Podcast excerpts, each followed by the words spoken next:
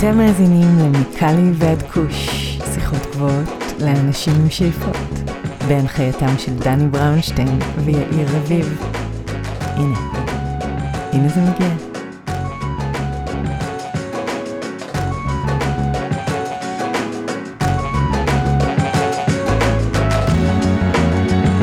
אהלן אהלן, מה קורה ארי?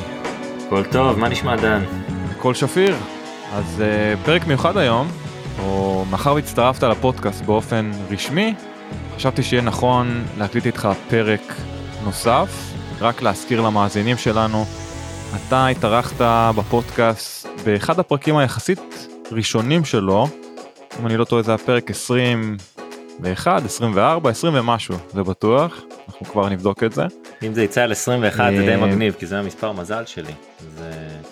וואלה. כן, אבל אני לא יודע אם זה היה פרק 21, אבל אה, איפש- איפשהו בהתחלה בטוח, זה היה במהלך אה, כל הסגרים וכל הטירוף הזה, אם אני לא טועה.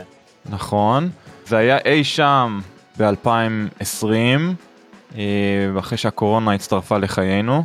אז בואו נחלק את השיחה הזאת לכמה חלקים. קצת נדבר עליך, על מה שאתה עושה בתעשייה, ואז קצת נדבר גם על הפוד, גם עליך, ועל קנאביס באופן אישי וכולי.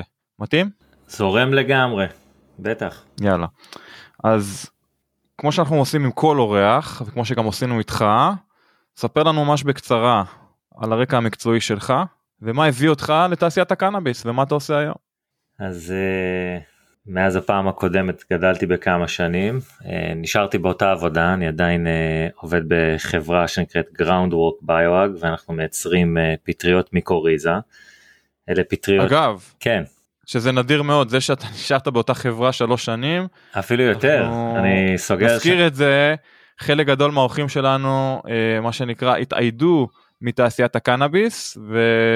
ושינו מקצוע, אז אה, כן, תמשיך. אני חושב שאחד הדברים אה, דווקא אצלי זה שאני לא עובד ישירות עם הצמח, כן, אני לא מגדל או משהו כזה, אבל אני עובד עם מגדלים ואני עובד עם חנויות גידול ומפיצים של אה, חומרי גידול, בין אם זה נוטריאנטים או תאורה, כל הדברים האלה.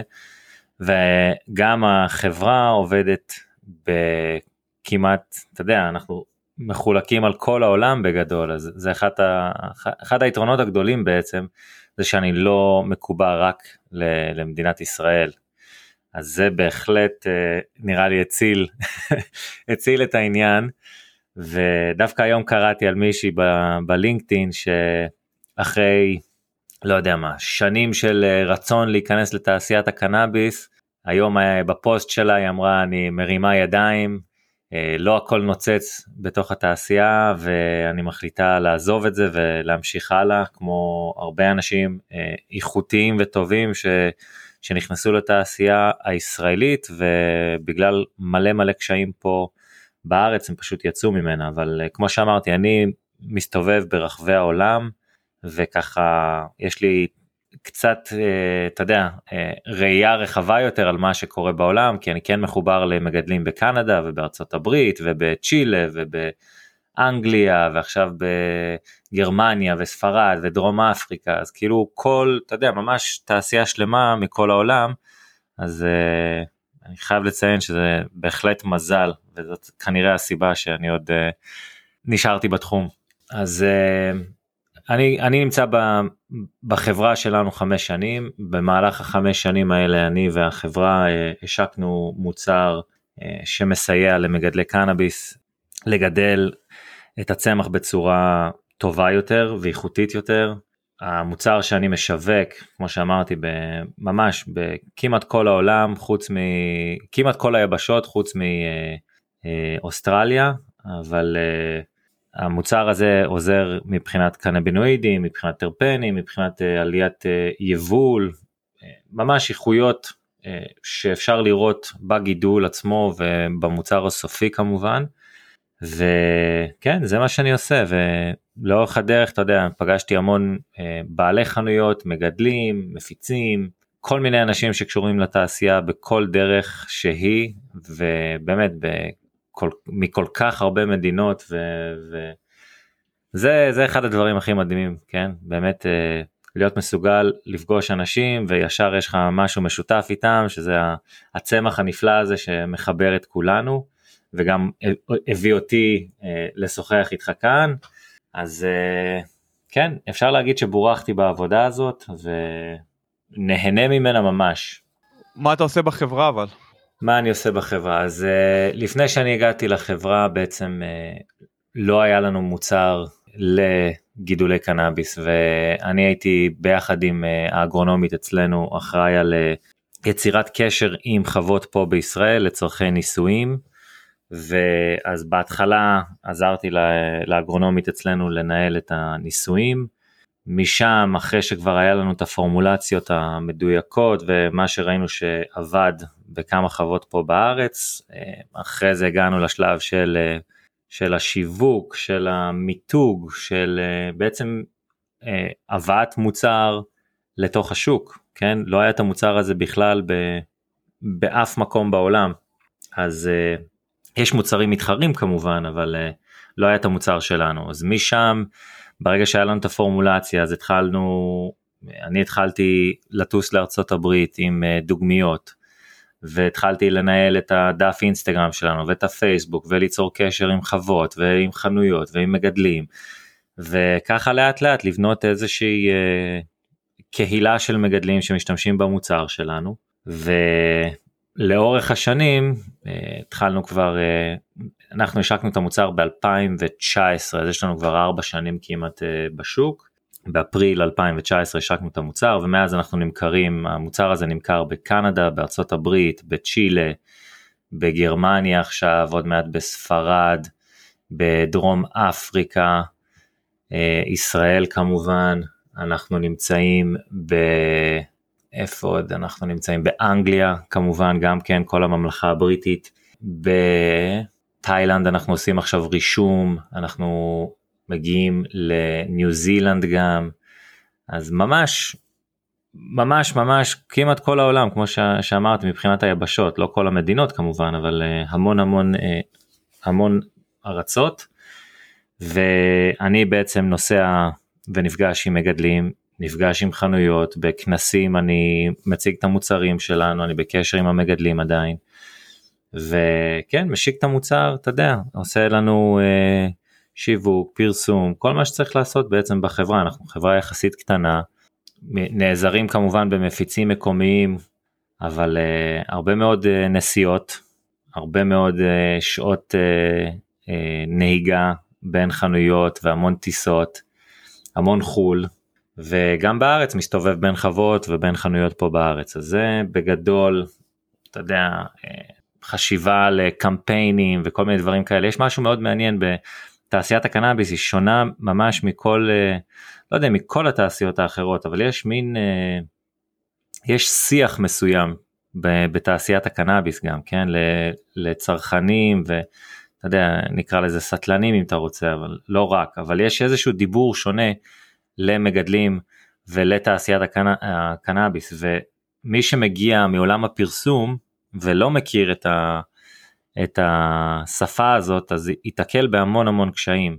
בטח גם כשאתה מנסה לפרסם מוצר אה, ויש המון המון קשיים בלפרסם מוצרים שקשורים לקנאביס כמעט בלתי אפשרי לעשות את זה כן בפייסבוק ובאינסטגרם דברים כאלה בלתי אפשרי אלא אם כן אתה מצליח ממש אה, אתה יודע ללכת כאילו על, על התפר הזה של בין ה... אה, עוד רגע מעיפים את הפרסום ו... ו...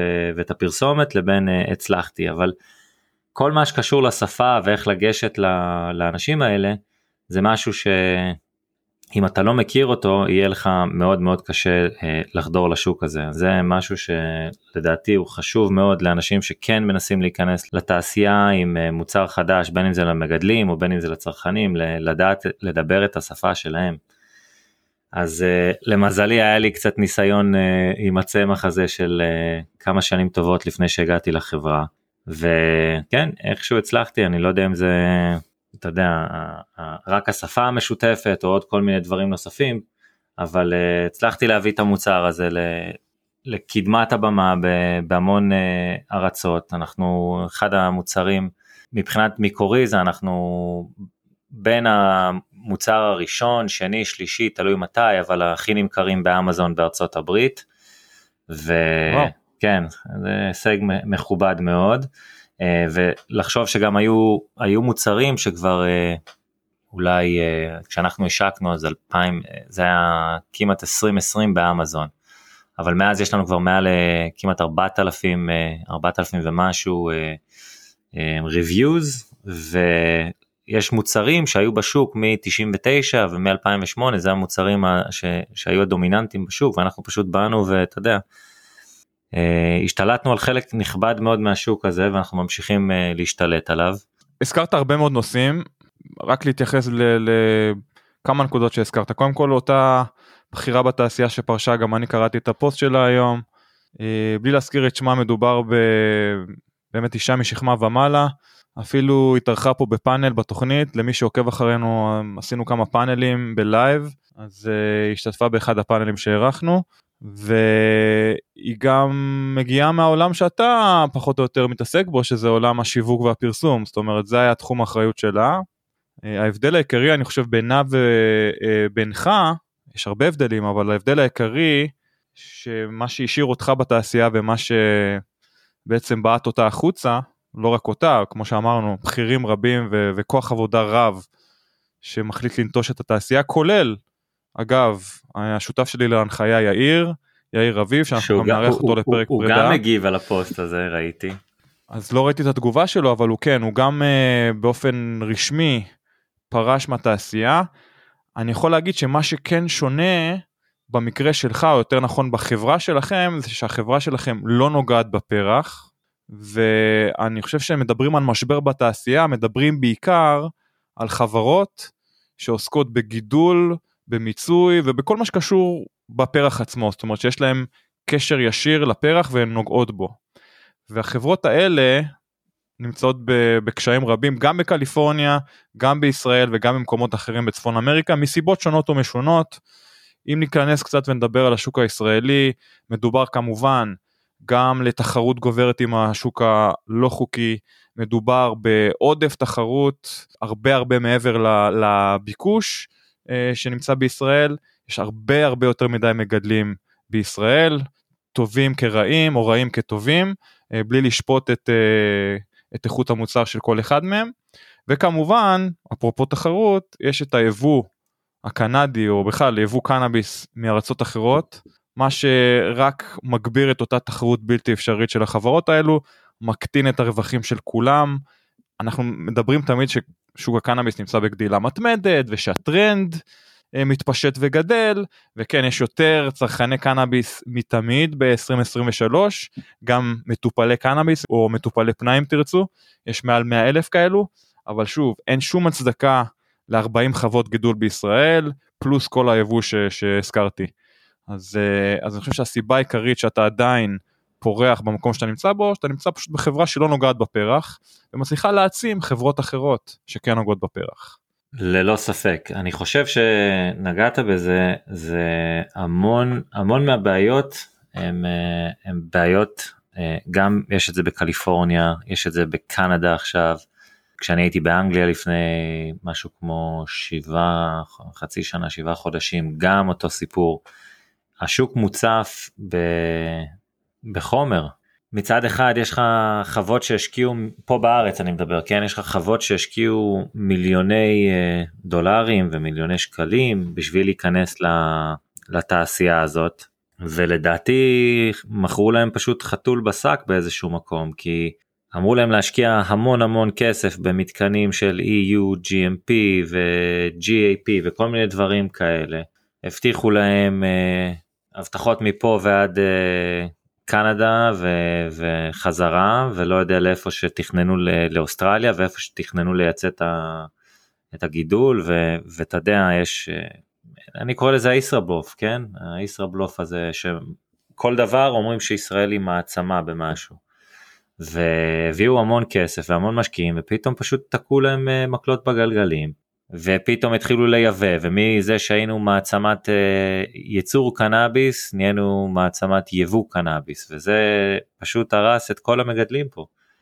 והמון חוות מהשמונה חוות המקוריות כן ש, שגידלו מבערך 2007 מעט מאוד מהחברות כאילו יש יש אה, כמה חברות שכבר סגרו את החוות שלהם והיום זה חו, חוות לוויין והם כבר לא באמת אה, מתעסקות בחלק הגידול, הגידולי יש להם עדיין אנשי צוות שמסתובבים בין החוות לוויין ומגדלים את הגנטיקה שלהם דברים כאלה אבל הרבה מהאנשים החלוצים פשוט יצאו יצאו בגלל כל המלחמות וכל הבירוקרטיה וכל הדברים האלה ופשוט הרימו ידיים כי נמאס להם. אז גם היבוא הזה שפשוט אה, מחסל את החקלאות הישראלית וגם החקלאות קנאביס וגם אם זה חקלאות אה, אתה יודע של עגבניות או פלפלים או לא משנה מה זה פשוט אה, הורג את, את השוק. Yeah. ודיברנו אגב בפרק הקודם עם אה, יון שאול הזכרנו קצת את הרגולציה הישראלית וכמה היא מקשה על המוצר הסופי על חברות קנאביס על הצרכנים בעצם פוגעת בכולם גם הצרכן נפגע וגם החברה המייצרת נפגעת אז עם כל הצרות שהזכרנו קודם גם הרגולטור הישראלי בוא נגיד לא תורם לעניין. יש תשמע התסכולים רבים אצל המגדלים כי אני יצא לי להיות בחוות שהפרחים כשהם גדלים שם נראים מדהים באמת. ו, ואז אתה, אתה, אתה רואה את השקיות שאנשים מקבלים וזה זה אפילו לא מידס בארצות הברית זה לא היה נכנס לדיספנסרי באמת ברמה הזאת זה לא היה אף דיספנסרי אולי אתה יודע באוקלהומה או מקום שרק עכשיו נהיה חוקי ואנשים באמת אה, לא מבינים ועדיין אה, השוק לא לא קם על הרגליים והמגדלים האיכותיים לא הגיעו לשם אבל זה זה באמת ברמות זה פשוט נראה רע בהרבה מאוד מהשקיות האלה. יש יש אה, אני לא אגיד שהכל נראה רע אבל יש יש לפעמים אה, דברים שנראים טוב אבל זה דברים שמבחינת הסטנד, הסטנדרט האמריקאי אני די בטוח שאם אתה היית מגיע לפה או אם מישהו מארצות הברית או קנדה היו מגיעים לפה ורואים איזה שקיות איזה פרחים יוצאים מהשקיות האלה לפעמים פשוט זה אתה יודע זה מביך ברמה הזאת. ואין שום קשר בין הפרח שהמגדל מוציא כן? ואני ראיתי דברים שהמגדלים מוציאים ואיך הם נראים כשהם אה, כשהם קוצרים אבל כל הידיים שנכנסות פה בשוק הזה זה פשוט הורס הורס, הורס את הפרחים וגם ההקרנות כמובן ועוד ידיים והקרנות זה פשוט עצוב מאוד מה שקרה פה בכמה שנים האחרונות מבחינת התעשייה. כן יש רגולציה אה, זה חשוב שיהיה אבל אתה יודע צריך להתעסק בדברים שהם באמת חשובים ברגולציה ו, ופה אני חושב שיש הרבה דברים שהם פשוט כמו כל סיפור ההקרנות הזה זה ממש לא רלוונטי.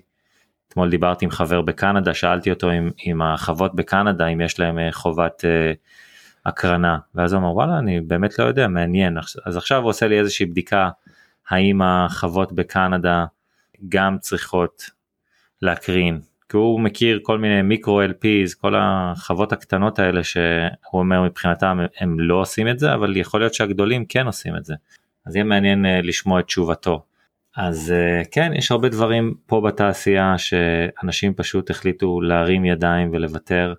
ועוד משהו שממש מעניין היה איזה גל אדיר של כסף שנכנס לתעשייה הזאת. כמובן היה פה הייפ מאוד גדול כן? הבטיחו ייצוא ואמרו שזה תרופה וכל מיני אתה יודע תרופת פלא וכל מיני uh, אנשים מרקעים שונים נכנסו לתחום. המון אנשים נכנסו מהתחום הרפואי הפרמצטי כן? כל מיני אנשים שהיו בכירים ב, בכל מיני חברות uh, תרופות למיניהן. ומהר מאוד האנשים האלה גם יצאו מהתעשייה. אז מין, אה, אתה יודע, דלת מסתובבת כזאת של אנשים נכנסים ואנשים יוצאים ונכנסים ויוצאים והמון אנשים שהיו בתעשייה במשך העשר שנים האחרונות פתאום מצאו את עצמם בחוץ ואנשים ממש אין הרבה אנשים שנשארים בתעשייה הישראלית. אני לא יודע אם הרגולטור עשה את זה בכוונה להרים קשיים על החברות המקומיות ואחרי זה אתה יודע לקצור פירות עם חברות אחרות או לא מצליח להבין את מלוא התמונה למה הדבר הזה קרה. Yeah. אגב לפני שאנחנו עוברים נושא אתה חושב שיש איזושהי תקווה כלשהי שאתה מסתכל על השוק הישראלי אתה חושב שהשוק הזה יתאושש בקרוב או שיקחו כמה שנים טובות עד שאנחנו נראה את השוק הזה קם על הרגליים. שמע אני חושב שיש אה, כמו בכל אה, בכל המדינות עכשיו יש יש קשיים כן גם ב, אם נלך אה, למדינות אה, פרטניות נגיד אה, בחוף המערבי וושינגטון אורגון קליפורניה המון חוות צצו לפני אה, חמש שש שבע שנים והמון מהשחקנים האלה כבר לא נמצאים. המון מהחברות הגדולות שפעלו באזורים שונים בחוף המערבי כבר עוזבים את החוף המערבי כן? קיורליף לדוגמה שהיה להם אופרציות באורגון ובקליפורניה ואולי וושינגטון גם אם אני לא טועה אבל הם החליטו שהם מוותרים על השוק הזה. פשוט יש המון המון תחרות וכמו כמו כל שוק אני חושב שאחד הדברים הכי בעייתיים בתחום של, של הקנאביס זה ש... אנשים לא ידעו להעריך את הגודל, הם עדיין לא יודעים, לה... עכשיו קצת יותר, כן? אבל הם לא יודעים להעריך את הגודל האמיתי של השוק.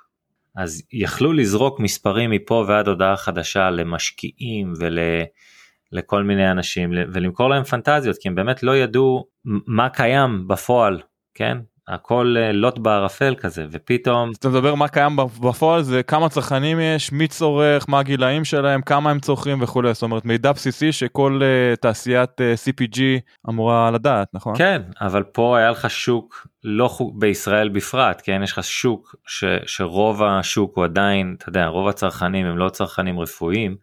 אולי הם משתמשים לזה לצרכים רפואיים אבל אין להם מרשם זו, זו הכוונתי אבל מתוך נגיד אוכלוסייה של תשעה מיליון, אולי אה, בוא נגיד חצי מיליון, מיליון מעשנים או צורכים, ומתוך זה יש לך 100 אלף שיש להם אה, אה, רישיון לשימוש, אבל אנשים לא יודעים באמת כמה הם צורכים, ואותו דבר גם קח את ארצות הברית שמדינה הרבה יותר גדולה או קליפורניה, אנשים לא ידעו להעריך את זה לפני, לפני כמה שנים, כן? בטח כשיש לך שוק שהוא לא חוקי, שוק שחור נקרא לזה, והצרכנים גם היום לא הולכים לדיספנסרי, כן, הם לא הולכים uh, לחנות לקנות. לא כולם. לא כולם. חלק הולכים אבל לא כולם, בהחלט לא.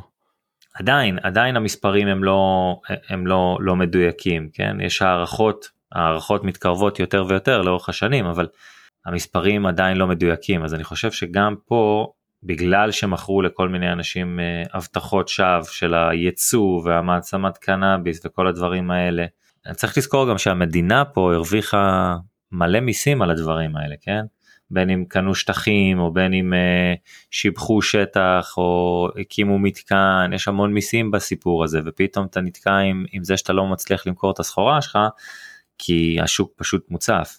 אבל זה קרה בעוד עוד הרבה מקומות, עוד הרבה מדינות, אין מה לעשות, זה, זה, זה כואב וזה קשה אבל אנשים אה, לצערנו עסקים יפלו, יהיה הרבה שילובים, uh, mergers and acquisitions, יהיה את כל הרכישות של חברות קטנות יותר או גדולות יותר, ובסופו של דבר כנראה כמו בתעשיית uh, האלכוהול, יהיו לך כמה שחקנים דומיננטיים, כן, אם זה ה Anheuser-Busch או מי עוד יש לך את הקורונה, אני לא זוכר איך הם, איך הם נקראים החברה הזאת, Constellation Brands אם אני לא טועה, זה של קורונה, אז יהיו לך כמה, כמה חברות חזקות מאוד ששולטות על רוב השוק ופתאום יצוצו כל מיני אה, מגדלים קטנים יותר. ו, וזה מה שיהיה. יהיה לך המון רכישות בשנים הקרובות של, של פעילות של חברות לדעתי כן? אה, כל מיני פעילויות של חברות.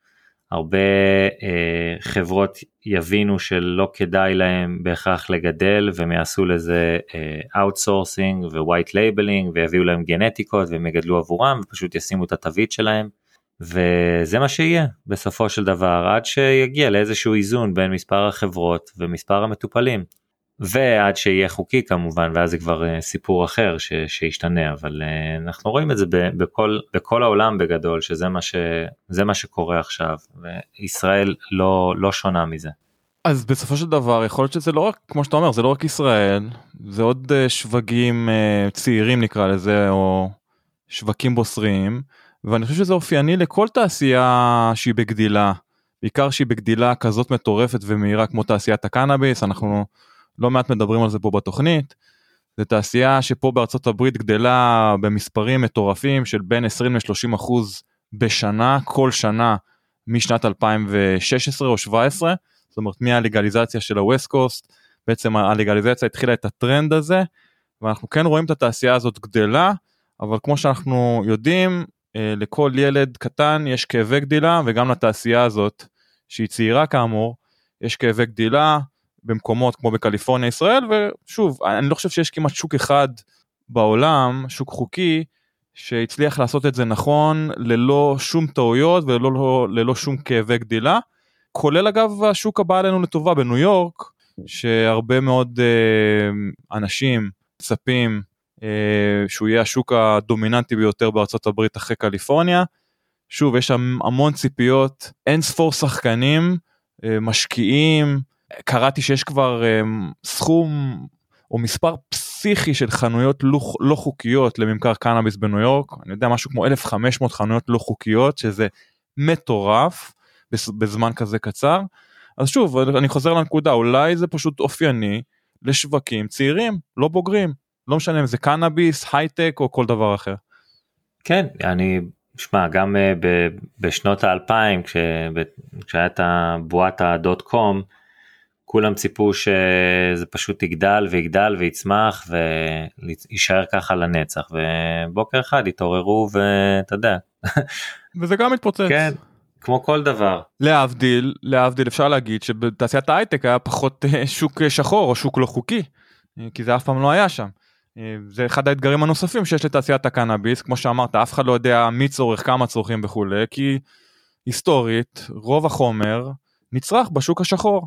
ולכן המעבר הזה לשוק החוקי הוא מגומגם, הוא קשה, ויש עדיין מספר צרכנים לא קטן שעדיף לקנות את מוצר הקנאבי שלו בשוק הלא חוקי, כי הוא יודע שלרוב הוא יקבל מוצר יותר איכותי, בעיקר אם הוא מכיר את המגדל, הוא קונה אצלו כבר כמה שנים טובות ובוטח בו, לעומת פרח קנאביס שישב בחנות במקרה הטוב כמה חודשים, הוקרן, כמו שאתה אומר עבר אה, אין ספור ידיים בדרך, ובסוף הוא מקבל פרח די יבש, די טפל, כמעט חסר טעם וריח, שבמקרה הטוב הוא גם ללא עובש, ובמקרה הפחות טוב יש עליו גם כל מיני דברים אחרים בנוסף לעובש.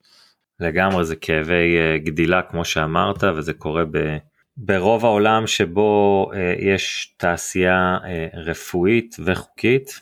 גם באנגליה שאני הייתי שם אז אנגליה אין שם השוק לא זה לא חוקי אבל השוק היה מוצף כן? ממש מוצף בכל מקום ש, שהגעתי אליו כל המגדלים אמרו שהשוק מוצף מחירים ירדו ואני חושב שאחד הדברים שכן השפיעו על זה ואנשים לא באמת מדברים על זה אבל uh, תן המון קרדיט לקורונה ולזה שאנשים היו בבית מובטלים אז הרבה מהם התחילו לגדל.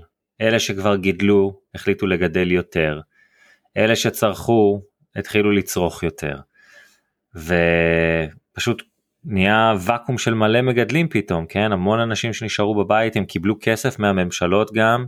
בעצם קיבלו כסף כדי לקנות ציוד לגידול או אתה יודע ממש דברים כאלה. הם פוטרו מעבודה אבל קיבלו כסף לגדל לקנות ציוד גידול וגידלו לעצמם את החומר ו, ועכשיו פתאום השוק הוצף עם זה. עכשיו אני חושב שעכשיו שאנחנו כבר ב, בסוף של ההרפתקה הזאת ושל הסגרים וכל הדברים האלה נראה לי שאנשים חוזרים לעבוד חלקם חלקם עדיין נהנים מההטבה של אה, להיות מובטלים אבל אני חושב שהמון מהאלה, מהאנשים שכן גידלו והפסיקו, אתה יודע, כן גידלו ו, וחזרו למעגל העבודה, הם יפסיקו לגדל, כן? כי הם עשו את זה בתור איזושהי עבודה צד, צדדית או תעסוקה צדדית בזמן שלא היה להם.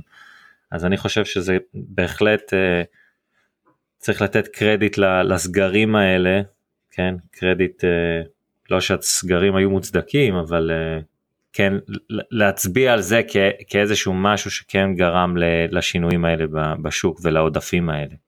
לגמרי למרות שבצד השני אני יכול להגיד וגם אתה הזכרת את זה שאנשים גם צרכו יותר קנאביס בתקופת הקוביד זאת אומרת ברגע שאתה נסגר נסגר בתוך הבית אתה לא יכול לצאת העולם משתנה קנאביס הפך להיות אה, אחד החומרים היותר פופולריים להקלה אה, על אתה יודע, מצבים כמו דיכאון ומצבי רוח אחרים, אה, ולחץ וחרדות וכולי, גם אלכוהול אגב בהקשר הזה, הייתה עלייה די חדה במכירות האלכוהול, אז בהקשר לקורונה אני יודע שרוב הלקוחות, כמו שהם אגרו נייר טואלט וקופסאות שימורים ובקבוקי מים מינרליים בבית, אותם צרכני קנאביס אגרו גם קנאביס, כן?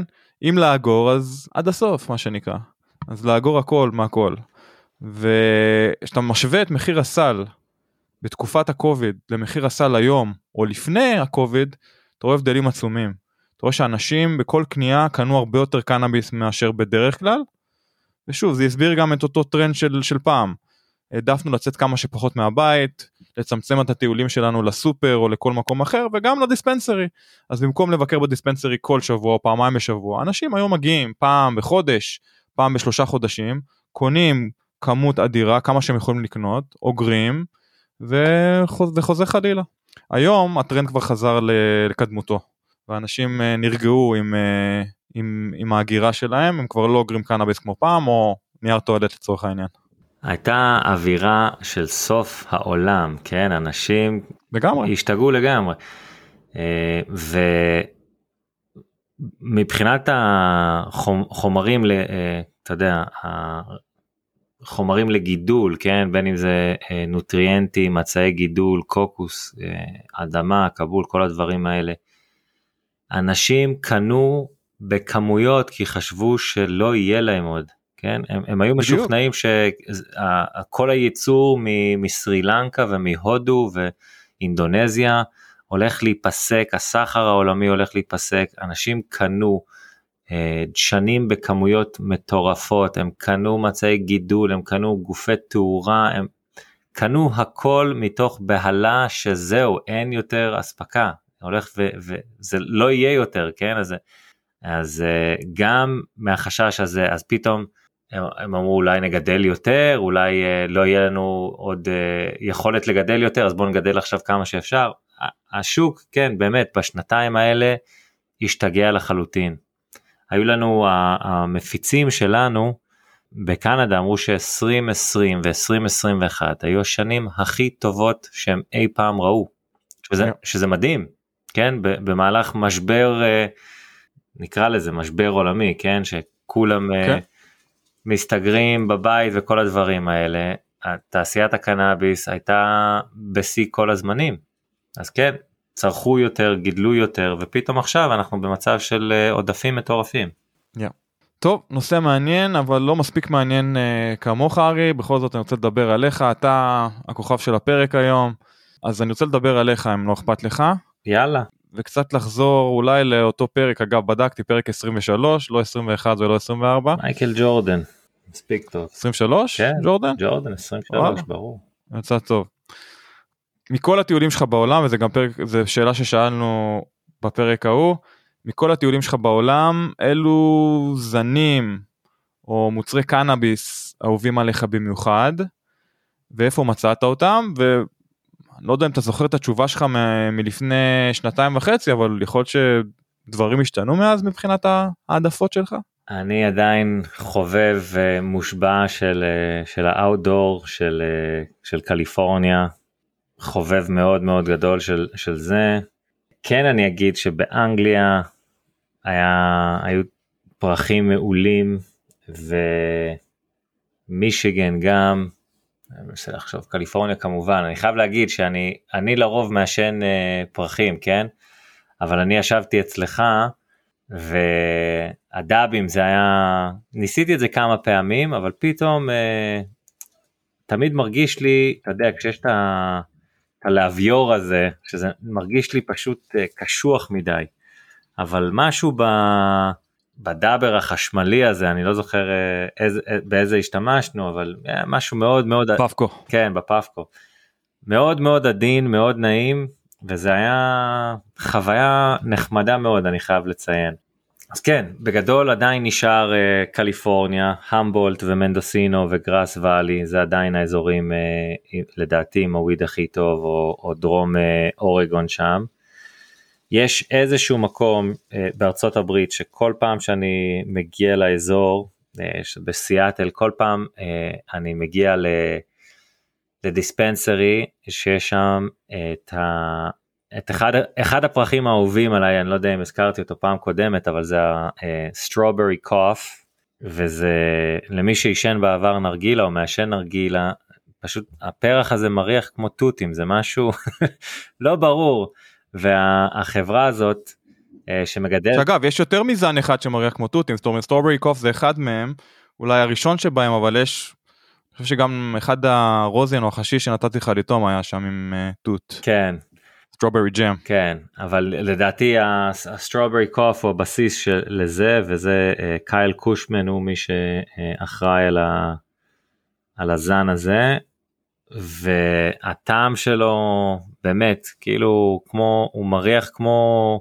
כמו הטבק של הנרגילה בטעם תות, משהו ברמה הזאת. רק טבעי לחלוטין. טבעי, כן, טבעי לחלוטין. גם החווה הזאת ספציפית, אז זאת חווה אה, שהיא אה, היא בעצם נקראת Clean Green Certified, זאת חווה שהכל, אה, אי אפשר, אי אפשר לקרוא לוויד בארצות הברית אורגני, משום שה-USDA, שזה ארגון החקלאות של ארצות הברית, Department of Agriculture, זה משרד החקלאות של ארצות הברית, הוא בעצם הבעלים של המושג אורגני, של המילה אורגני, כן? ובגלל שקנאביס הוא פדרלית לא חוקי, אתה לא יכול לקרוא לוויד אורגני. לא משנה אם גידלת אותו לפי התקן האורגני, אתה לא יכול להגיד אורגניק קנאביס, כן? יכול להיות שאתה יכול להגיד את זה על המפ היום, כי ההמפ כבר אה, ירד מה... מהסיפור אבל אבל uh, כל מה שקשור לתפרחות ודברים כאלה אתה לא יכול uh, להגיד עליו אורגניק. Uh, אז זה בעצם clean green certified באמת פרחים נקיים בלי כל בלי חומרי הדברה בלי מזיקים בלי הקרנות כל הדברים האלה וזה באמת פרח מדהים. איך אתה צורך את הקנאביס זאת אומרת זה, זה עישון בדרך כלל כן, נכון? כן כן אני אני אני אוהב את ההתעסקות בלגלגל. גם, גם, גם כשאני פוגש אנשים ואני רואה אותם אתה יודע אני אומר להם אפשר לגלגל עבורך זה כאילו אתה יודע זה שנים על גבי שנים וזה פשוט אה, ריפוי בעיסוק בשבילי הקטע של הגלגול הזה אז אה, כן. איזה סוג של צרכן אתה אתה צורך ביום יום אתה יותר. צרכן ערב או לילה, האם זה יותר לפני השינה, האם זה שאתה יוצא בערב, זאת אומרת זה ממש צריכה חברתית ב... או צריכה אה, מה שנקרא אה, לצלול לתוך השינה? זה תלוי בתקופות, ממש תלוי בתקופות, אבל אה, ערב, כן, תלוי אם אני בחופשה או לא, זה יכול להיות, אתה יודע, מ... ו... וגם תלוי איפה אני כמובן, אבל זה יכול להיות גם במהלך היום כמובן. אם אני עובד או משהו כזה אז אני משתדל לא כי אז אה, אתה יודע. אה, רגע רגע רגע אוקיי זה זה מה שזה מה שהבוס שלך רוצה לשמוע אני מבין את זה אבל מה קורה בכל זאת אתה מטייל לך בחוות אקזוטיות ברחבי העולם חוות עם הקנאביס הכי איכותי שיש.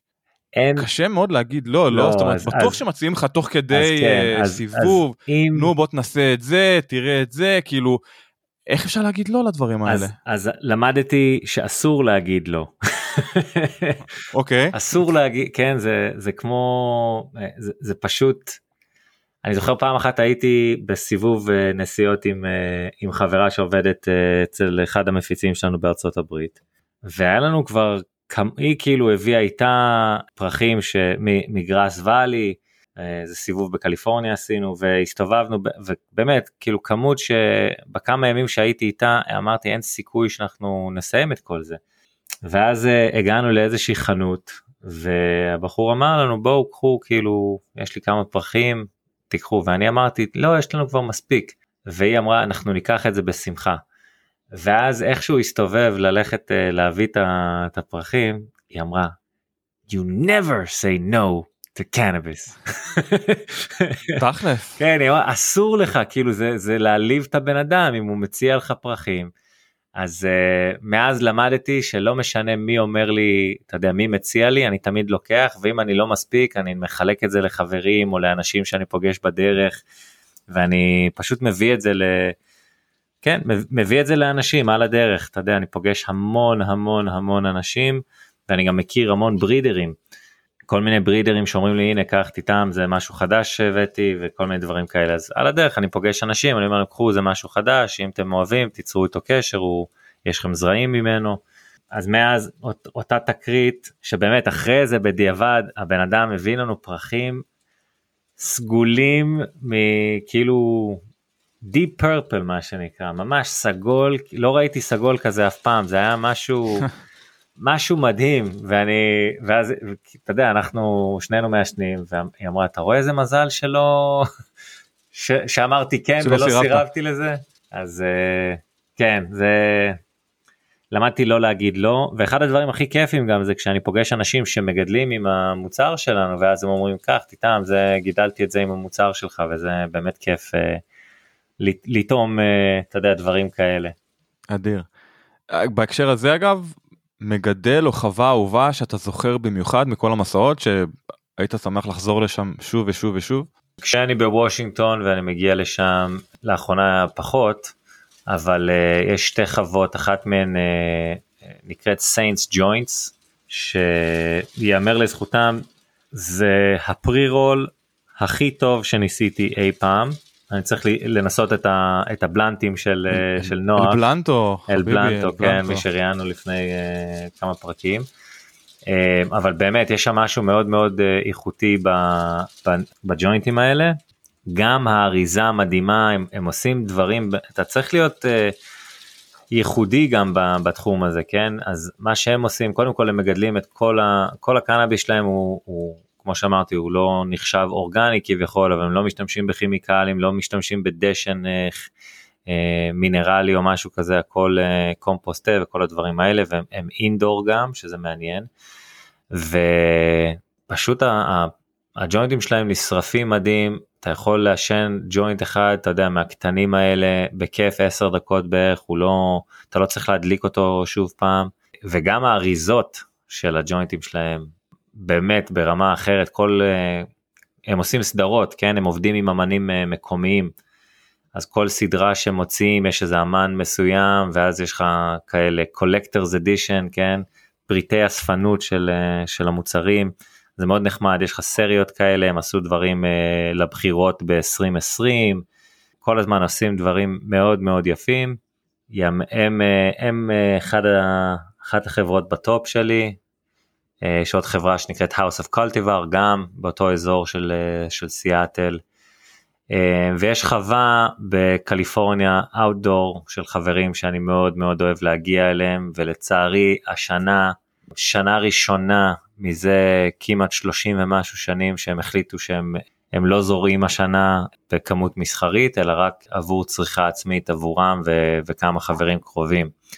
אבל זה גם חווה מאוד כיפית להגיע. למה זה קורה? בגלל בגלל הקשיים שהזכרנו בתחילת התוכנית? כן, הם פשוט, אה, אתה יודע, כנראה יעלה להם יותר לשלם לטרימר מאשר אה, יקבלו על הפאונד. המחיר של אאוטדור, המחיר של אאוטדור, אה, כמו שאתה יודע, נפגע קשות. אני הייתי בסיבוב בארצות הברית לפני, ב-2021, כן? במהלך שנה שלמה הסתובבתי בכל ארצות הברית, כל השווקים החדשים, אתה יודע, אלה ה legacy, כל, כל האזורים האלה, מקליפורניה ועד הגעתי למישיגן ואוקלהומה ו, ומיין ומסצ'וסטס, כל האזורים האלה. וכשאני הגעתי הברית אז pound של outdoor היה סביבות האלף, אלף מאתיים, אלף ומשהו, וכשאני עזבתי הוא הגיע לרמה של בערך 300-400 ואנשים אה, אפילו מכרו בפחות כדי להיפטר מהסחורה.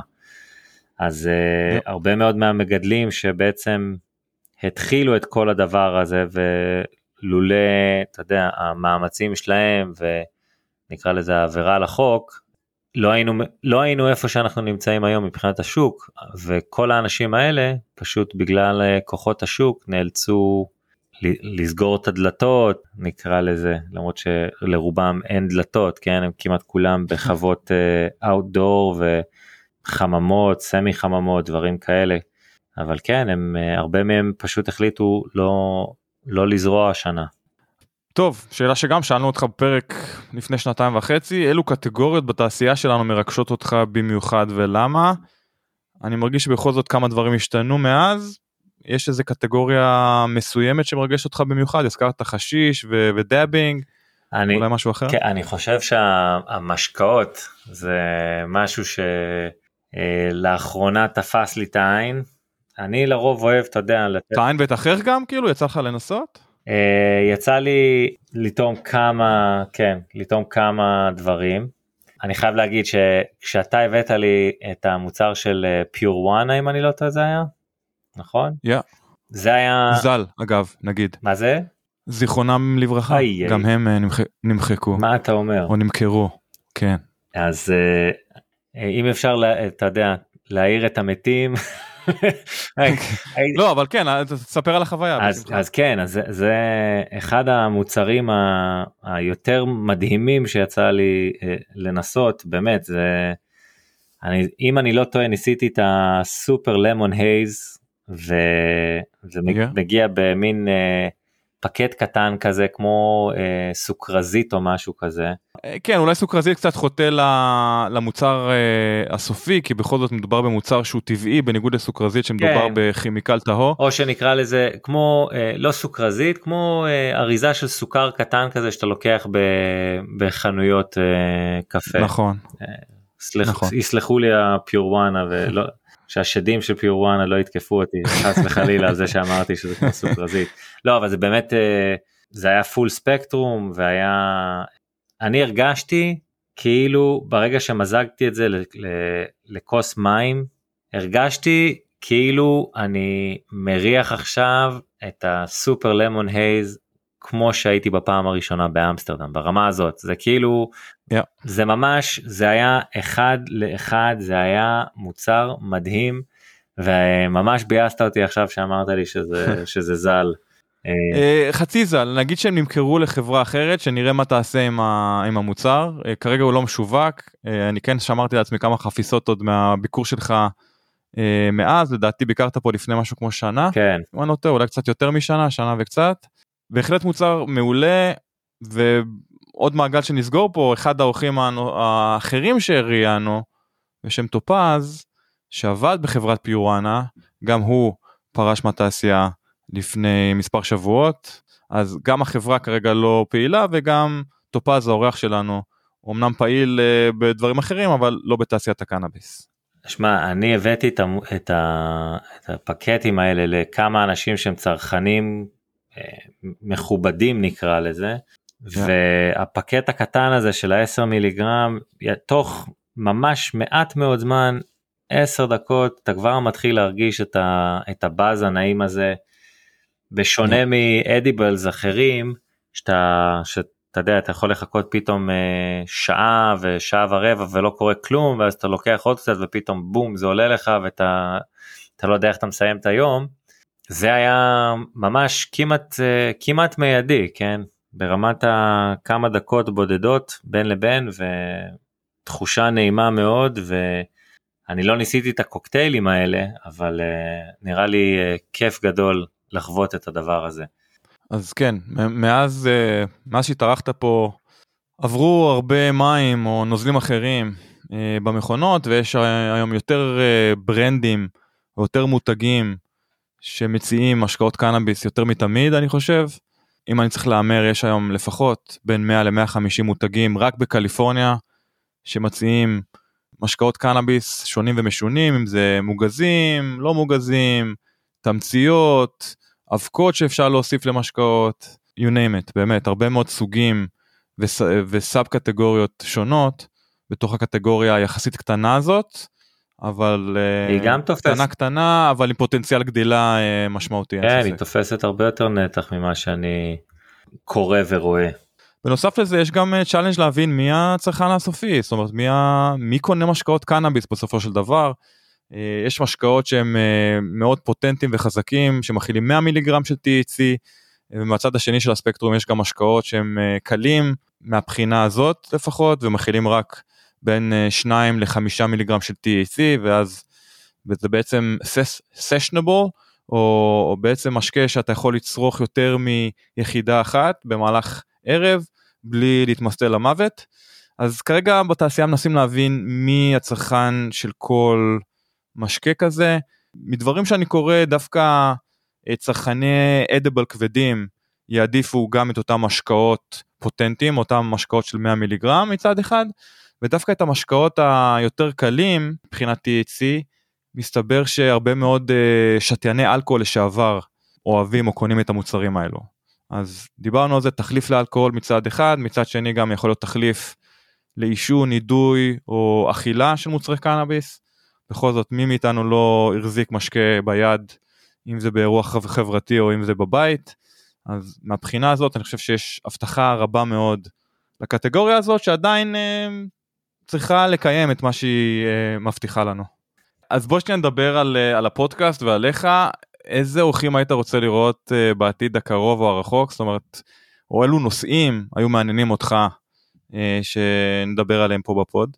הייתי מעוניין לדבר עם אנשים נגיד אה, שעכשיו בתאילנד שזה שוק חדש וחם ששמעתי עליו אנשים בדרום אפריקה שגם שמעתי על השוק הזה המון אנחנו גם פועלים שם עכשיו אנשים מה, מהמדע יותר שעדיין אתה יודע מתעסקים עם המולקולות עצמם ברמת הדדי מאירי דברים כאלה.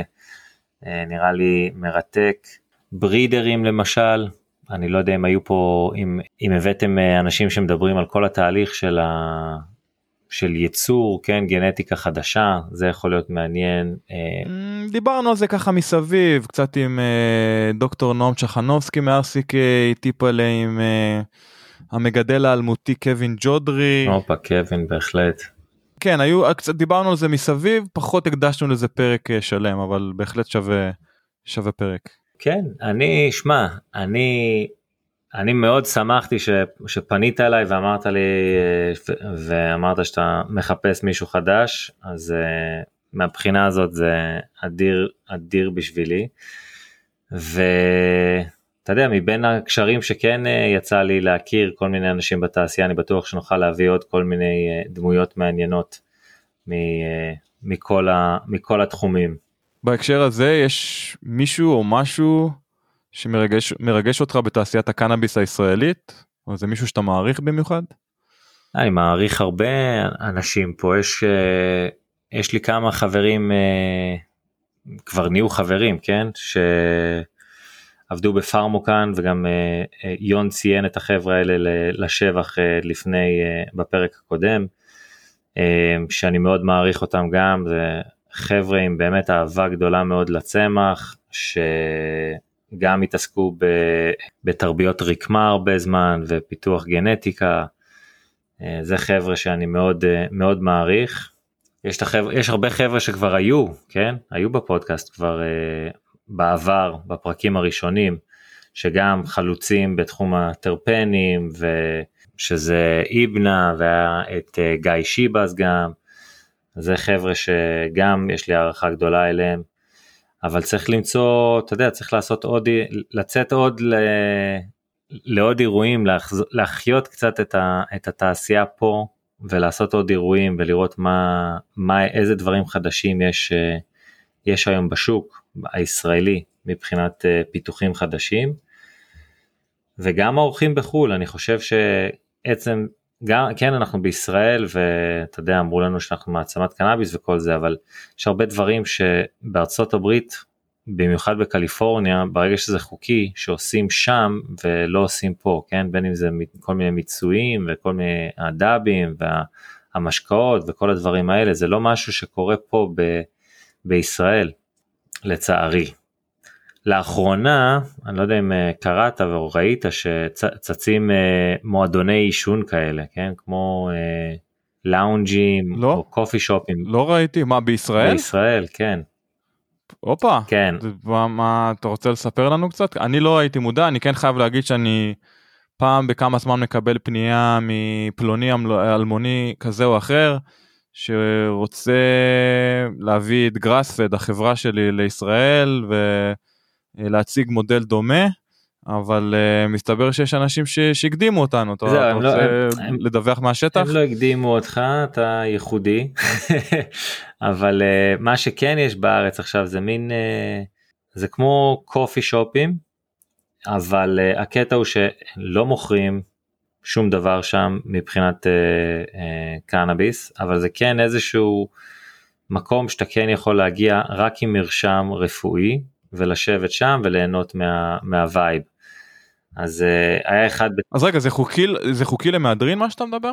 זאת אומרת זה מקומות אך ורק לבעלי מרשם שיכולים לצרוך את הקנאביס בשקט ובבטחה מה שנקרא. כן, עכשיו אם יש לך, אתה יודע, אם יש לך מרשם אתה יכול לצרוך אותו ב, בכל מקום בגדול. לא, עד כמה שאני זוכר זה רק ב...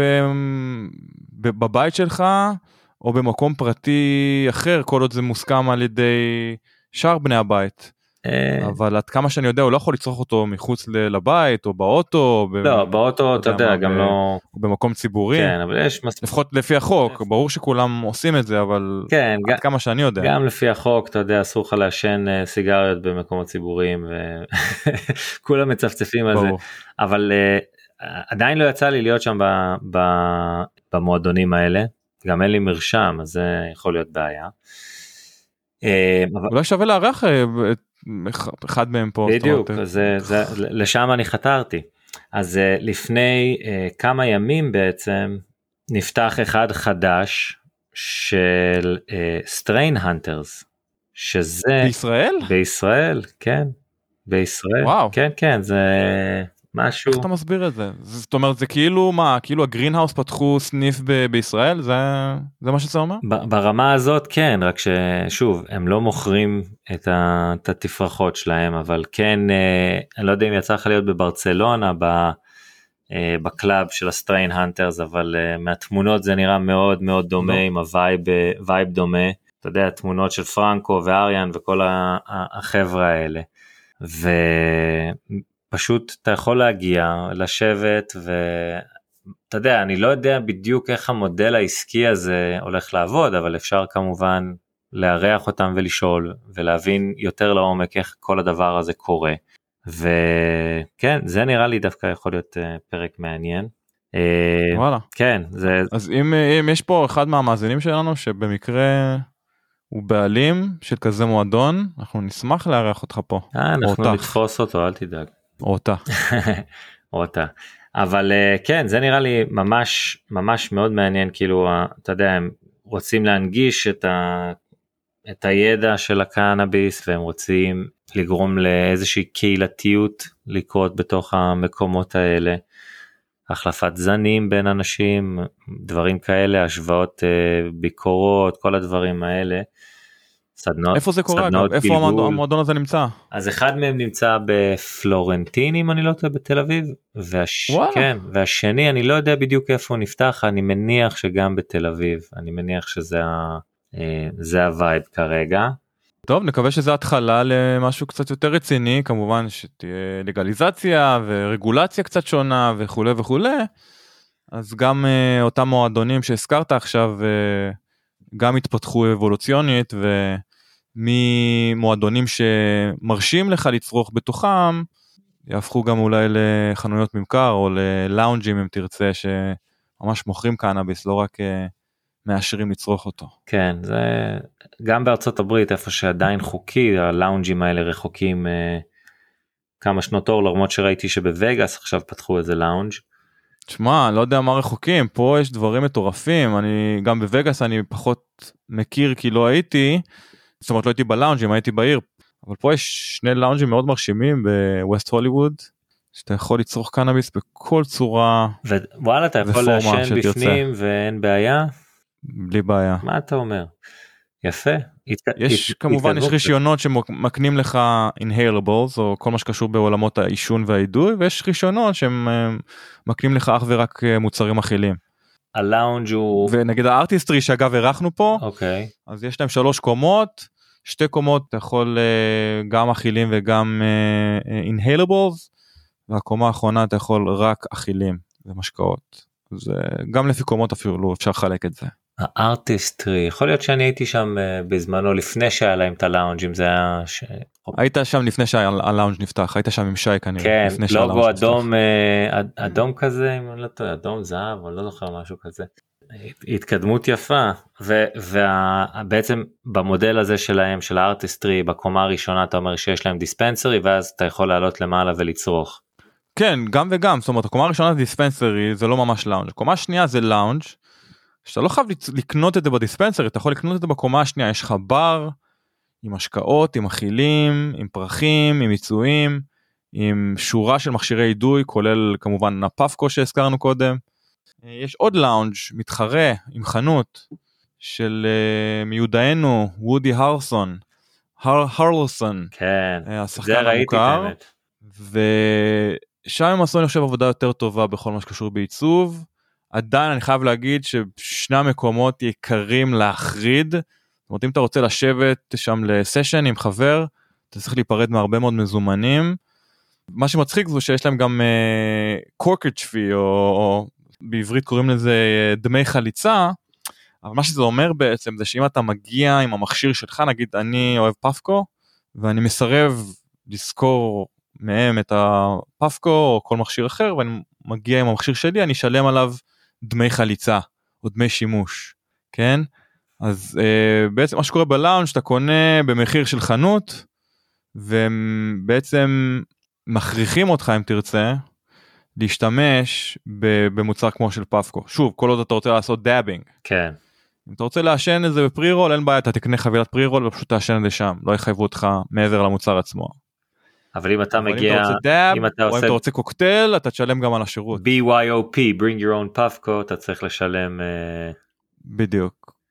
ו- ובאופן כללי, אז אם אתה, ואתה יכול אבל להביא את ה... גם את השמנים שלך ואת כל, את כל המיצויים שלך בעצם, נכון? אתה לא חייב לקנות. שלילי אתה לא, אתה חייב שלילי. לקנות מהם, אתה חייב לקנות מהם הבנתי. זאת אומרת אין מצב וכמובן מאוד ש... קשה מאוד לשלוט על זה כן. אתה יכול לקנות מהם גרם אחד ואז להביא עוד איזה חמישה גרם של חשיש בכיס כן אף אחד לא הולך לבדוק לך את הכיסים אם הבאת מאוד קל. אתה יודע, להבריח את זה במרכאות זה, זה מוצר מאוד קטן. אבל כן מבחינת המודל זה מודל של השכרה של ה Puffco או של dab rig אחר פלוס אותו גרם שניים של live resin או rosin או חשיש ש- שאתה קונה אה, ואתה לא יכול להביא דברים מהבית. זה בדיוק כמו שאתה לא הולך למסעדה ומביא אוכל איתך וגם לשם אתה לא יכול להביא מוצרי קנאביס. יש אבל, אה. יש אבל אה, מסעדות שאתה כן מביא את הבקבוק יין, כן? בקבוק יין כן ושוב המסעדות האלה מחייבות אותך כן, בחליצה כן, 30 40 דולר לפעמים. אני מאחל לוודי בהצלחה, אני מאוד אוהב אותו. בהחלט. כן. אז אני קודם כל מאחל לך גם הרבה הצלחה בפודקאסט אני מאוד מתרגש ש- שהצטרפת אליי למסע הזה. תודה רבה. בהחלט מסע דיברנו על אתגרים מאוד מאתגר מצד אחד אבל גם מעניין ומרתק מצד שני אז uh, אני מודה לך ולמאזינים שלנו על המסע הזה. טוב בכל זאת אתה יודע כמה אנחנו אוהבים uh, לחפור ולחפור בקשר הקוסמי הזה של קנאביס ומוזיקה. שוט אתה מכיר את השאלה אתה מכיר את החפירה דבר אליי בתווים אז אה, קודם כל לאחרונה התחלתי ללמוד לנגן פסנתר. אז וואלה כן, מזל טוב כן, כן. אף פעם לא מאוחר. never, never too late. לא, זה כלי מדהים, כן? אני ניגנתי שנים על גיטרה, ו... לא יודע, תמיד אה, היה לי גם חשק ל- ללמוד פסנתר. אתה חושב שזה כאילו שאלה קצת מצחיקה זה אינהרנטי כל הסיפור הזה כאילו בכל זאת שם משפחה סינגר. אני חושב שדיברנו על זה בשיחה המקדימה בינינו כאילו אתה חושב שהשם משפחה בסופו של דבר השפיע עליך וגרם לך להרים גיטרה ולהתחיל לנגן או להתחיל לשיר כאילו כי אתה גם שר נכון כאילו אתה רוצה אה, לפתוח את זה כן, אני גם, אה, גם שר לפעמים, לא, לא נראה לי נשאר מדהים, אבל אה, גם שר. אבל אה, נראה לי זה פשוט הגיע מ... אה, אתה יודע, מ- מההורים והאהבה שלהם אה, למוזיקה. תמיד היה לנו מוזיקה בבית. מה הקשבת בתור ילד אז אה, היו מעירים אותנו בבוקר אותי ואת האחים שלי עם אתה יודע עם ביטלס או ביץ' בויז או קלפטון, דילן, ברדס. תמיד תמיד תמיד היה מוזיקה בבית. תמיד ברקע מוזיקה. אה, גם גדלנו אה, אנחנו נראה לי אחד הבתים הבודדים בעולם המערבי שאין לנו טלוויזיה בסלון. אז אה, כאילו גם בקושי היינו רואים טלוויזיה גם היום בבית שלי אין טלוויזיה. אשריך. כן אז כן הטמבלוויזיה. זה מכונת טיפנות רעה מאוד. אני כמוך אגב. זה אחד הוויכוחים הכי נקרא לזה נצחיים שיש לי עם אשתי. אה, אני לא, אני לא מרבה להזכיר את אשתי אבל אשתי עובדת בעולם הטלוויזיה ולכן היא גם רואה הרבה טלוויזיה ואני בדיוק ההפך אני כמוך.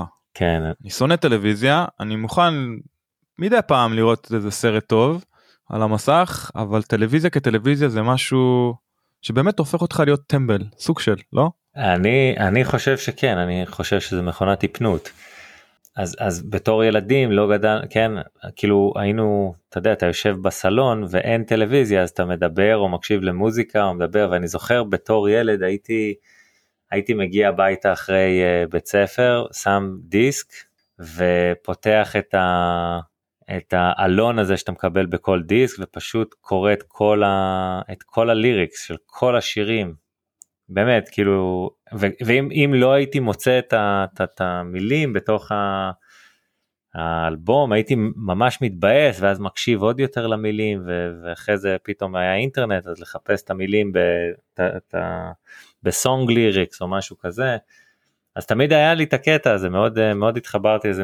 באמת מגיל צעיר מאוד הייתי יושב ומקשיב uh, למוזיקה הזאת ואני לא מגיע אף אחד מההורים לא לא ניגן והם גם אף פעם לא הכריחו אותנו ללמוד כלי נגינה או משהו כזה הם לא הכריחו אותי לעשות כלום בעצם בחיים האלה שזה מאוד נחמד נתנו לכולנו חופש כזה. בגיל 14 פתאום אתה יודע נחשפתי לאחותי הגדולה הלכה לקולג' ו... אה, באמהרסט, יומאס, שזה כאילו אחד האזורים היותר מגניבים כזה של, אה, של מסצ'וסטס, והתחלתי להקשיב למוזיקה שהיא שמה וכל מיני דברים כאלה, גם נחשפתי לג'ימי הנדריקס, ו... אז אה, לא, זה פשוט נשאר, ו, ורק ב... רק לפני כמה שנים עשיתי שיעורי פיתוח קול קצת ועכשיו עם, ה, עם הפסנתר אבל זה לא לא יודע אם השם משפחה קשור לזה או לא אתה יודע זה גם סינגר זה גם המכונות תפירה אז אה, לך תדע לתפור אני לא נכון. לא עושה. מה ש... שסינגר אגב מה מה המוצא של זה אגב? זה אירופאי כן אוסטרו הונגרי כן כן. אוסטרו הונגרי אני אספר אוקיי. לך קטע מצחיק. אני הלכתי לפני כמה ימים לחנות מוזיקה וקניתי גש... אה, קניתי את המיקרופון בעצם לפודקאסט ואז הבן אדם אה, שואל אותי מה השם שלך? אני אומר לו ארי. הוא אומר מה השם משפחה שלך? סינגר. אה זמר מגניב. ואז הוא אומר בואנה איזה קטע. יש לנו עובד ואז הוא אומר אה, הוא פונה לאיזה עובד אחד ואומר לו תגיד מה השם שלך הוא אומר לו ארי. מה השם משפחה שלך זינגר. אז נדיר מאוד כן כאילו בחיים לא נתקלתי לא, לא נתקלתי בהרבה אנשים שקוראים להם ארי ובטח שלא נתקלתי בבן אדם שקוראים לו ארי זינגר או סינגר זה בכלל אה, היה קטע קטע מגניב כזה אבל אה, כן יפה. אז לאחרונה אני עם הפסנתר כיף גדול מבחינת מוזיקה וואו אני יצא לי להיות לאחרונה בסיבובים האלה בארצות הברית בכמה הופעות מדהימות וראיתי את פרל ג'ם אוקיי. Okay. ראיתי את uh, קוואנג בין אם אתה מכיר אותם. בהחלט. הם, הם, הם התפוצצו בשנים האחרונות. כן. להקה שממש תופעה. ממש כאילו איך הם הצליחו לפרוץ את מחסום המיינסטרים לא ברור לי. הם שזה מדהים בעיניי. הם מעולים קודם כל. הם מעולים אבל זה בדיוק העניין כאילו הביסטי בויז הקליטו אלבום אינסטרומנטלי אי שם בתחילת שנות התשעים או אפילו לא זוכר מתי איפשהו בשנות התשעים מאוד דומה סגנונית למה שהם עושים והוא עדיין לא קיבל את התהודה שמה שהם עושים היום.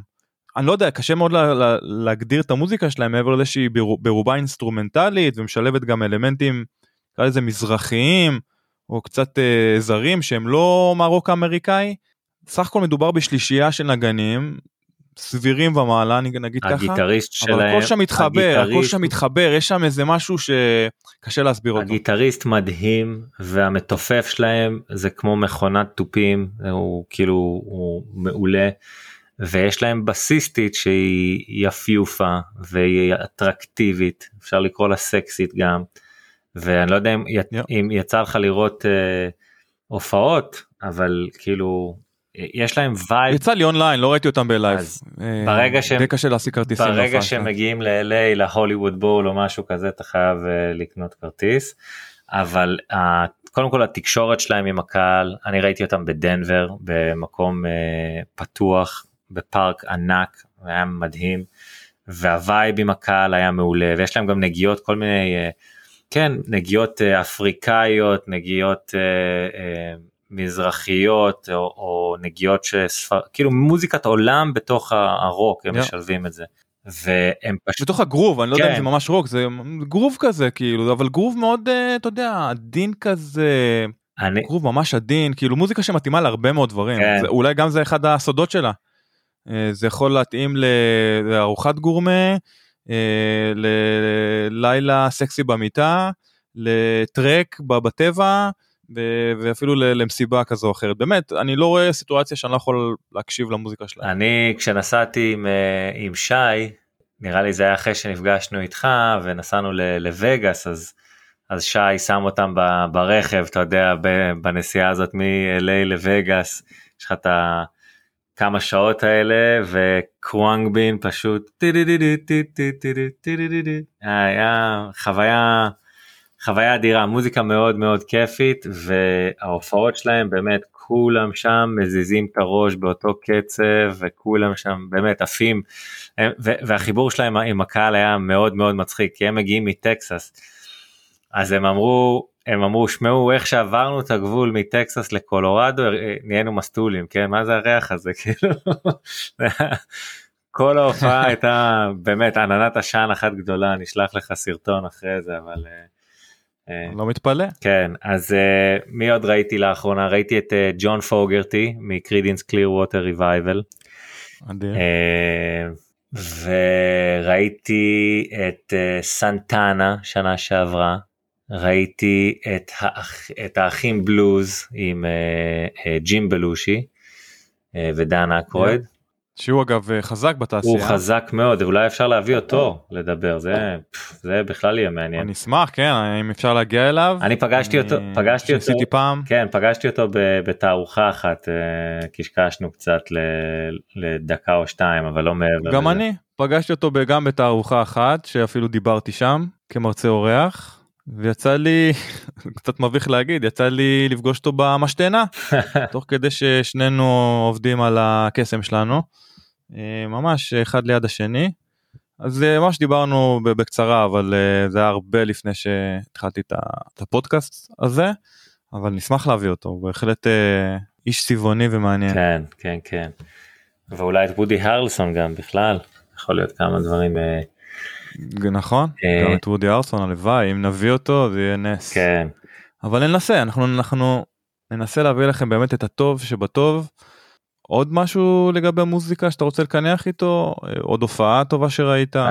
עוד איזה אומן או להקה שאתה רוצה להזכיר בהקשר למוזיקה חדשה שגילית. זהו אז קוראנג בין זאת הלהקה שלאחרונה ננעלתי עליה.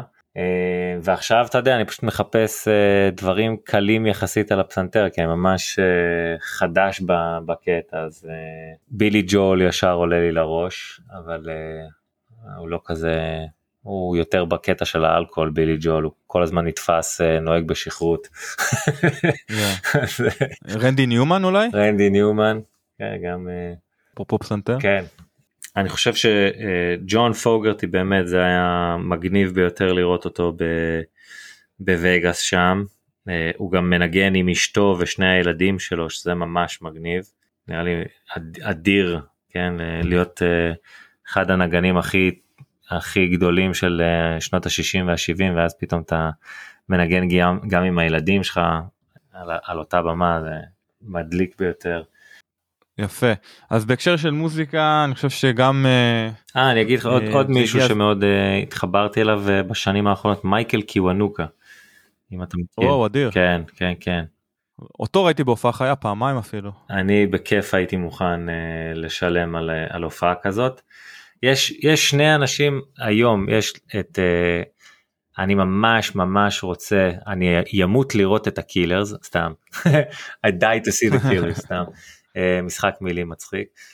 הקילרס אני מאוד רוצה ללכת להגיע להופעה שלהם וברוס ספרינגסטין אני עדיין חייב את זה לעצמי אחרי שלפני הבוס. בערך 14 שנים ב-2009 עמדתי בתור לראות את ברוס ספרינגסטין ביחד עם חבר ואנחנו עומדים בתור לג'נרל אדמישנס ואנחנו ממש אוטוטו נכנסים שעה וחצי לפני uh, תחילת ההופעה ויוצא המרגן של ברוס ואומר ההופעה התבטלה.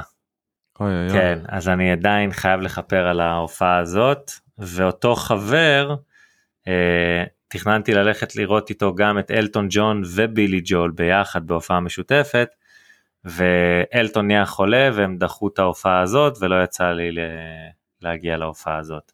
טוב, אבל כן- לך... כן יצא לי לראות את אלטון. אלטון כנראה לא תראה, לא, כי אלטון... הוא אה, פרש השנה. אה, אבל- יצא לך אבל לראות. ראיתי, כן, נכון, ראיתי נכון. אותו ב... ראיתי אותו בארץ כשהוא היה לפני כמה שנים, את האמת. וואלה, כן. אז אה, יפה. כן, גם פסנתרן אה, אדיר. אדיר, אדיר, אדיר. כן, זה מדהים כמה שעות אנשים השקיעו בללמוד את ה... את הקראפט שיש להם, כן? את ה... זה פשוט שעות על גבי שעות על גבי שעות. אני עכשיו מנסה ללמוד אה, שיר חדש וכל היום אני יושב על הדבר הזה. ואני לא מתקדם יותר מדי. בקשר למוזיקה אני חושב שזו הזדמנות טובה אם כבר אנחנו החלפנו מנחה והצטרפת אלינו אולי גם כדאי להחליף אה, את אה, הפתיח ואת המוזיקה של הפודקאסט אז אה, אנחנו זורמים עם המוזיקה הזאת כבר מפרק אחד משנת 2020 ובהזדמנות זאת אולי אה, נוכל קצת לאתגר את המאזינים שלנו אם במקרה אתם מוזיקאים ויש לכם קטע אינסטרומנטלי שמתאים לפודקאסט שלנו אתם מוזמנים אה, לחלוק את זה איתנו. לאימייל הידוע של אה, מקלי ועד כוש from קלי to kush gmail.com ואותה פנייה גם לגביך ארי אני יודע שאתה מסתובב לך בבוהמה התל אביבית עם הרבה מאוד מוזיקאים אה, על כן אם אתה מכיר מוזיקאי כזה או אחר מוכשר שמוכן לחלוק איתנו את היצירה שלו נשמח לתת לו הזדמנות. יש לי חב... חבר טוב שהוא uh, מתופף על, הוא גם uh, מנגן עם uh, נגנים uh, פה בארץ, מ- מדג נחש הוא מופיע איתם, ודני סנדרסון, ואסתר ראדה, וגילי יאלו, מי זה? מי המתופף? קוראים לו יונתן גיטלמן, חבר טוב. הוא עכשיו, הוא היה בטיול במרוקו, והוא התחיל לנגן על אה, כלי חדש, כאילו, כלי, אתה יודע, של מאות שנים כבר, אם לא אלפי שנים שם במרוקו, אבל יש לו וייב, אה, גרובים אה, מרוקאים עכשיו, אז זה מאוד מעניין. והוא גם מתופף, ואחרי זה גם עם הכלי מיתר הזה, אני לא זוכר איך קוראים לו, כמו אוד כזה, אבל זה, זה לא אוד.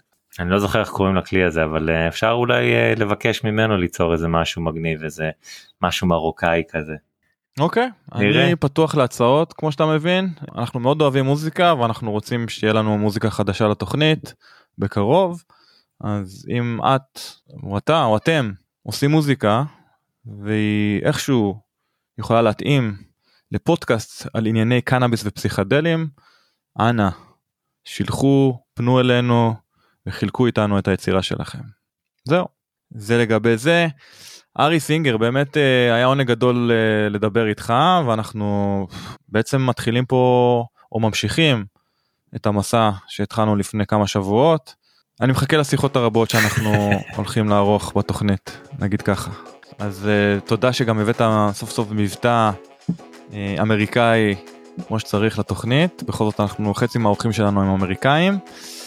וזהו אז בנימה אה, אופטימית זו זה היה פרק 137 איתך ארי, סינגר המנחה החדש של אה, מיקלי ועד כוש תודה רבה רבה על השיחה הזאת ואני רק מחכה ומצפה לשיחות הבאות איתך ועם האורחים שלנו כנ"ל כנ"ל תודה על ההזדמנות גם. מתרגש בשמחה רבה רבה לפרקים הבאים. בהחלט אז יופי תודה רבה חברים שיהיה שבוע טוב לכולם בינתיים. תודה שהאזנתם לתוכנית.